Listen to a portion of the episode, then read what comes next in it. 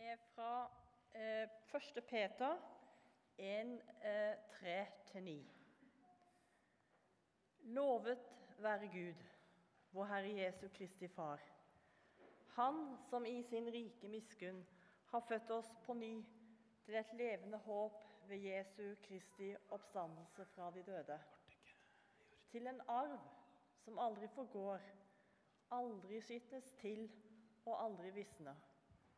Den er gjemt i himmelen for dere, dere som i Guds kraft blir bevart ved tro, så dere når fram til frelsen.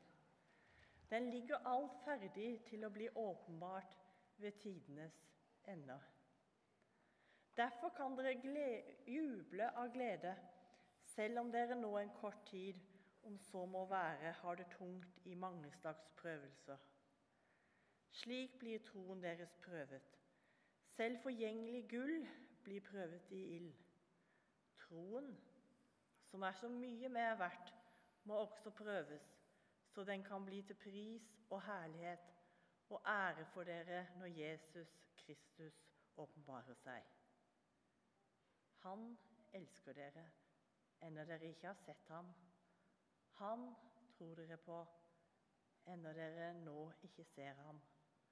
Og dere jubler og er fylt av glede så herlig at den ikke kan rommes i ord. For dere når troens mål, frelse for deres sjeler.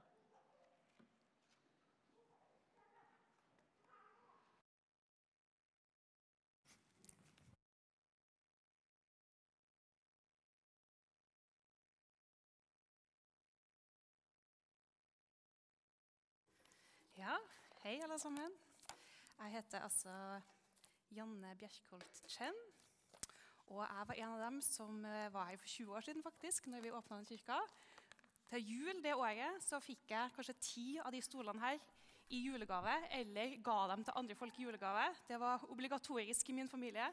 Så det var ingen julegave under treet, bare en sånn konvolutt. Gratulerer, du har fått en stol til Trondheim frikirke. Så det kan dere tenke på. ja. Men eh, ja, det er ikke det jeg skal snakke om i dag. Jeg kan få den, eh, den her. Um, når jeg skulle skrive den talen her, så tenkte jeg jo selvfølgelig på den sangen her, 'He's got the whole world in his hand', eller 'Han har den hele vide, verden i sin hånd'. Det var den eh, Lise og de andre ønska at jeg skulle snakke om. Eh, og Gud han har den hele vide verden i sin hånd. Bakteppet for dette er jo at vi akkurat har feira påske. Og Jesu liksom, seiersrop, det er fullbrakt, er det som ruver i bakgrunnen. Seier over døden, nytt liv. Og likevel, selv om Jesus har vunnet, er det liksom ikke helt det vi ser rundt oss i verden. Eh, verken i verden eller i vårt eget liv. Altså, verden er inne i en ny krig. Ja, atombomben er på en måte tilbake som en trussel. Vi får stadig dystrere miljørapporter fra FN, og helliggjørelsen i mitt eget liv går sånn ganske trått. Så hva mener vi egentlig med at Gud har hele verden i sin hånd? Det virker jo ikke helt sånn. Det andre var at når jeg skulle forberede meg til den talen, der, så hadde jeg liksom ingen bibeltekster å forholde meg til, bortsett fra den sangen, som jo da egentlig ikke er en bibeltekst engang. Så jeg bestemte meg for å lese Kirkeåret sine tekster for denne søndagen. Og En av dem snakka jo Helge ganske mye om, og vi fikk høre nå i stad om Peter som snakker om det her levende håpet vi har fått til Jesus. Uh, og De fire tekstene fra kirkeåret da, de har en slags rød tråd som jeg skal prøve å bruke. Jesaja han er først ute. Nå har jeg bare valgt ut litt fra hver tekst. Og Han sier, 'Jeg er Herren, ingen annen. Det finnes ingen annen Gud enn jeg.' 'Jeg spenner beltet om livet på deg, ennå du ikke kjenner meg.' Uh, vi tror på en Gud som har kontroll, som gjør det han vil, som skaper lys og mørke, som vi kan tro at har hele verden i sin hånd. Og heldigvis for oss så har denne guden, som har all makt, valgt å elske oss, dø for oss, stå opp igjen og gi oss nytt liv. Og det er fundamentet. Den andre teksten det var Thomas det er Jesus da som sier til Thomas etter at han har stått opp igjen De andre disiplene har møtt den først. Thomas har ikke fått møte den. Eh, så sier han til Thomas.: Kom med fingeren din, se her er hendene mine. Kom og stikk den i siden min. Vær ikke vantro, men troende. Jesus møter Thomas tvileren og ber han stikke fingrene i sida hans. Det er fysisk. Jesus møter Thomas behov for bevis. Likevel så fortsetter Jesus videre i teksten her og sier eh, at de som ikke ser, men likevel tror, er salige. Og Det er jo egentlig der vi befinner oss i dag. Altså, det er jo Ingen av oss som har sett Jesus fysisk. Ingen av oss har putta fingrene våre i sida på Jesus. Men så allikevel så har eh, de fleste her håper jeg i hvert fall tro. Og hvorfor har vi det, og hvordan kan vi egentlig ha det? Eh, I apostelgjerningene så fortsetter det, og der er det Jesus som snakker til disiplene før han drar til himmelen. Og Da sier Jesus.: Dere skal ikke forlate Jerusalem, men vente på det som far har lovet, det som dere har hørt av meg. For Johannes døpte med vann, men dere skal om noen få dager bli døpt med Den hellige ånd. Altså, I apostelens gjerninger så ber Jesus disiplene vente på Den hellige ånd. En ånd som han har beskrevet for dem tidligere, som skal være den som trøster dem, rettleder dem, formaner dem, som skal være deres og også vår talsmann og hjelper. Som Gud var for Jesus, så skal liksom Den hellige ånd være for oss når Jesus drar. Og han sier videre, eller han sa egentlig før det her, eh, at eh, du har sendt meg til verden, nei, som du har sendt meg til verden, har jeg sendt dem til verden så er det da kanskje ikke sånn at Gud lenger har hele verden i sin hånd. Han har også lagt noe av sin verden i våre hender. Som han en gang la, Jesus, eh, la verden i Jesus sine hender, så har Jesus på en måte overlatt litt av verden til oss.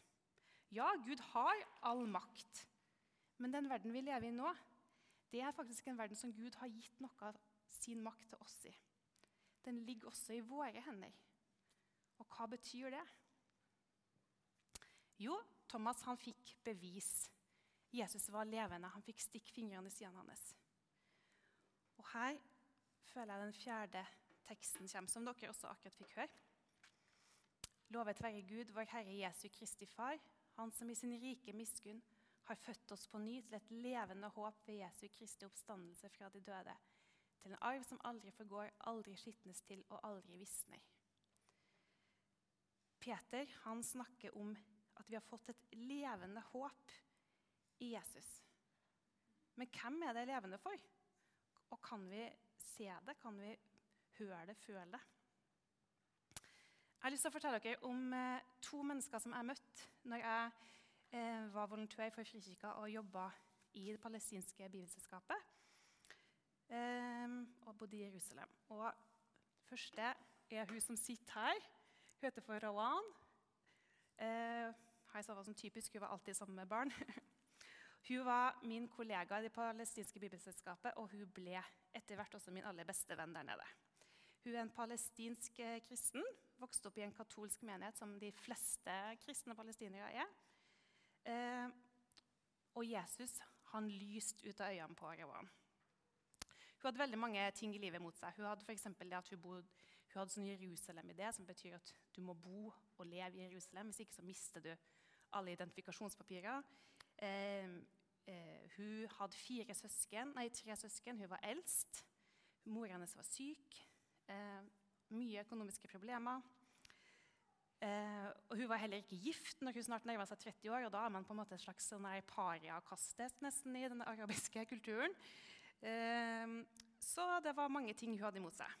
Men likevel Rawan hun hadde forstått noe av det her med å leve nærme Jesus og Den hellige ånd. Og hun lot Jesus berøre hjertet sitt. Og de tingene som var viktige for Jesus, de ble viktige for henne. Eh, veldig ofte når man, eh, når man liksom reiser frem og tilbake mellom Vestbredden og Israel, så må man jo gjennom checkpointer. Og hvis man kjører bil, så står man ofte i lang kø. Og da kom det alltid sånne små barn eh, som ikke var på skolen, og tigga kom og banka på bilvinduet ditt, tigga, eller ville selge tyggis eller ville selge små pakker med lommetørklær. Og Ravan hun tok seg alltid tid til å rulle ned vinduet. Hun hadde alltid et par mynter hun kunne gi, eller hvis hun ikke hadde mynter, så, hvert fall så stoppa hun og snakka med dem. Eh, og Rawan hun tok seg også alltid tid til å besøke folk som hun visste trengte besøk. Om hun så bare hadde ti minutter, hun var, var ofte travel, så tok hun seg alltid tid til å ta den lille omveien og besøke noen. Og Rawan hun var også utrolig opptatt av mor Teresa. Og Hennes største ønske det var å reise til India og jobbe der eh, blant de fattige. Og det klarte hun faktisk også å gjøre. Hun hadde ikke så mye, men det lille hun hadde, skrapte hun sammen uh, og reiste til India for å tjene i Calcutta de som var enda fattigere enn hun sjøl. Jesus han fikk lov til å forme hjertet til Ravan. Men også så fikk han lov å forme tankene hennes. For at uh, når du bor og vokser opp eh, i Ramallah eller i, på Vestbredden, så er det jo ganske mange ting som er begrensa. For så kunne jeg sitte på et hustak i Ramallah, se ned mot Middelhavet, se ned til Tel Aviv. Og hadde venner som aldri kunne reise ned dit, f.eks. Og det var jo bare et lite eksempel, men veldig mye av livet er begrensa. Men Ravan, når hun dro til India, som hun klarte å gjøre, så sa You know, Janne, it's not only we have this wall around us, but you know, people, they build walls in their minds too. God did not only give me this small piece of land called Palestine to live in or to fight for, He gave us the whole world. Everything belongs to Him and to us, and it is there for us to enjoy. Gud har gitt oss hele verden for å nyte den, for å ta vare på den, for å hjelpe den og redde den. Og Rowan hun tok imot den delen av verden som Gud ga. Den andre som jeg har lyst til å fortelle om, var en som heter for Shadi. Han var også en, en kristen palestiner som jeg møtte Jeg var noen ganger inne i Gaza. Og Han hadde egentlig tre brødre, men den eldste broren har kanskje noen av dere hørt om. Han var den som ble drept av ytterliggående muslimer på, nei, på Gaza for at han drev bibelbutikken der.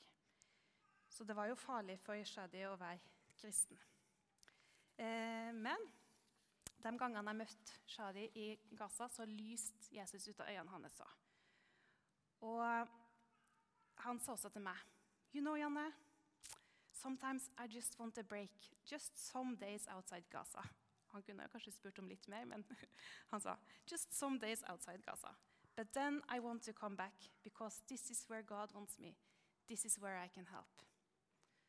Shadi han også lot Den hellige ånd bevege seg. Han lot Guds sitt hjerte forbli sitt hjerte. Han tok den eh, delen av verden som Gud ga han.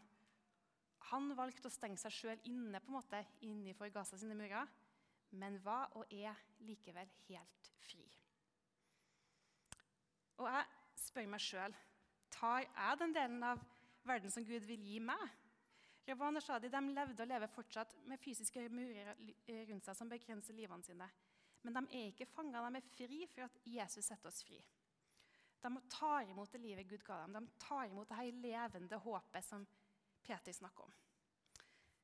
Eller vi kan si det på en annen måte. Gud har gitt oss hele verden i sin hånd.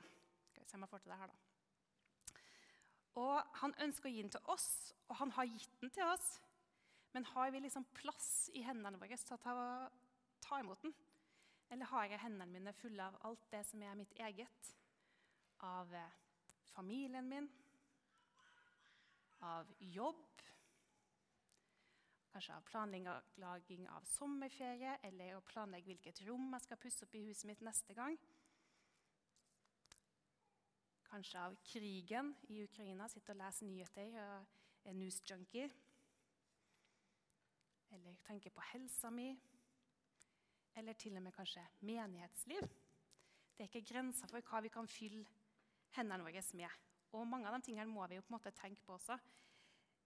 Men Gud har gitt oss og vil gi oss noe av verden i våre hender. Han vil gjøre det for at det er godt for oss, men også for at dette håpet, det levende håpet som Peter snakka om, kan bli synlig for oss og for resten av verden. Tvilerne i verden de kan ikke legge fingrene sine i Jesus sine sår, men de kan berøre oss. Vi er fysisk, og vi kan berøre hverandre.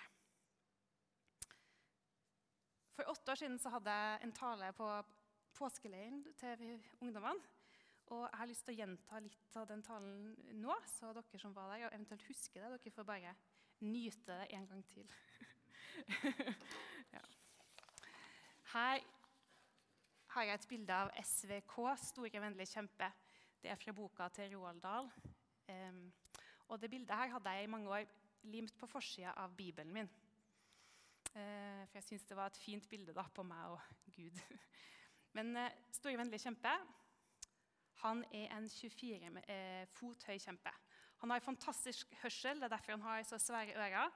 Og han har evnen til å høre drømmer inni hjernen til folk når de ligger og, og sover. Og han kan også samle inn drømmene og lagre dem på glass. Og det han liker aller best å gjøre, det er å gå rundt på natta og stå utenfor vinduene til barn og høre på drømmene deres. Og også da samle dem inn. Og med de her drømmene som han har samla inn, så kan han også lage nye drømmer. Og så har han et sånt langt rør, så han kan gå liksom forbi soverommet til barn og blåse inn nye drømmer inn i hodene deres mens de ligger og sover. Helt spesiallagde drømmer til hvert en, eneste barn. Men SVK er også en bedrøva kjempe. Fordi de andre kjempene de, bare, de vil bare spise barn. Eh, det er det de liker aller best. De ser sånn ut. Ikke så fin. Eh, de har navn som Menneskeslukeren, Kjøttstykketyggeren, Blodgulperen og Slaktegutten. Og det dette gjør da Store vennlige kjempe veldig trist. Store vennlige kjempe får etter hvert en venn som heter Sofie.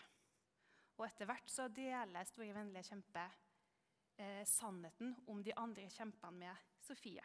Og Sofie hun blir grepet av samme sorg og også samme sinne eh, som SVK. Og samme iver etter at dette skal slutte, at det finnes kjemper som går rundt og spiser barn. Og Vendepunktet i historien det kommer når Sofie har tilbrakt så mye tid med store, vennlige kjemper at hun skjønner hva hun kan gjøre, og hun skjønner hva han kan gjøre, og hun skjønner hva de kan gjøre sammen. Og Det Sofie og Store vennlige Kjempe gjør, er at de lager en spesiallaga drøm til dronningen av England og I denne drømmen så viser de dronningen av England sannheten om at det finnes kjemper som spiser mennesker, men òg at det finnes en løsning, og at hun kan jobbe med SVK og Sofie for å stoppe dem her. Og når dronninga våkner, da er hun klar faktisk til å fange de her kjempene. Så det blir slutt på problemet. Gud han er litt som store, vennlige kjempe. Han er så lei seg for at det finnes kjemper i verden som på en måte lager trøbbel og, og dreper. Og han ønsker å blåse drømmer inn i hjertene våre. Han ønsker å legge deler av sin verden i våre hender. Og han ønsker å rive ned murene vi har i hodet vårt, sånn at vi kan se verden sånn som han gjør det. Så vi kan være bærere av det her levende håpet som Jesus er sånn at de her kjempene, menneskeslukeren og kjøttstykketyggeren, ikke skal ha makt. Og vi har så mange kjemper i vår verden som trenger å dø. Ensomhet. Håpløshet. Egoisme. Vi har også helt konkrete ting som at 300 millioner barn er kronisk sulten, at det er 39 000 jenter hver dag som er barnebruder, eller hundretusener av barn som er barnesoldater. Eh, vi har atomvåpen, vi har miljøutleggelser, og dere kjenner alle sammen så mange flere eksempler sjøl. For å komme tilbake til mor Teresa. Hun sa at den største fattigdommen er ikke å ikke ha mat og vann, men det å kjenne seg uelska og uønska.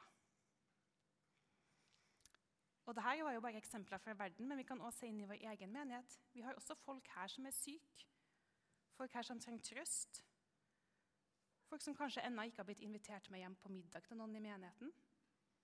Folk som trenger forbønn eller hjelp på gode seksjonen. Er vi så opptatt av våre egne liv og egne venner når vi f.eks. møtes på gudstjeneste og andre samlinger, at vi glemmer å se hvem Gud vil legge i hendene dine? Ser vi de her tingene? De ligger alle på Guds hjerte. Og våger du å la Gud fylle deg med sine drømmer? Tar du imot hele den vide verden som Gud vil legge i dine hender, sånn at du kan nyte den, så du kan ta vare på den, hjelpe den og være med på å redde den? Så er det sånn med forkynnelse at det kan alltid slå liksom flere veier. Og jeg vil si noe til noen av dere som, at det er noen av dere som bærer kanskje også mye mer i hendene deres enn Gud har tenkt. At dere liksom har slått ut alle murer i hodene deres, og hjertet deres hadde snart ikke mer igjen av dere sjøl. Og til dere så har jeg lyst til å si at Gud ser dere, og at han kjenner dere. Og at det er mulig å slippe det aller meste og hvile. Stå inn i hendene til Gud, sånn som Sofie gjør her. Og så forsiktig, forsiktig ta imot igjen det Gud vil gi. Og ikke det andre eller det du sjøl har fylt opp hendene dine med. Store, vennlige kjempe. Han lytta først til barna når de sov, og deretter ga han dem en ny drøm. Gud han kjenner deg, og han vet hva slags drømmer du kan bære. Han vet hvor mye du kan fylle hendene dine med. Derfor så trenger vi heller ikke å være redd for å ta imot det som Gud vil gi oss. Sånn at vi alle kan være med og bære det levende håpet Jesus Kristus ut til verden. Lovet være Gud, vår Herre Jesu Kristi Far, Han som i sin rike miskunn har født oss på ny til et levende håp ved Jesu Kristi oppstandelse fra de døde.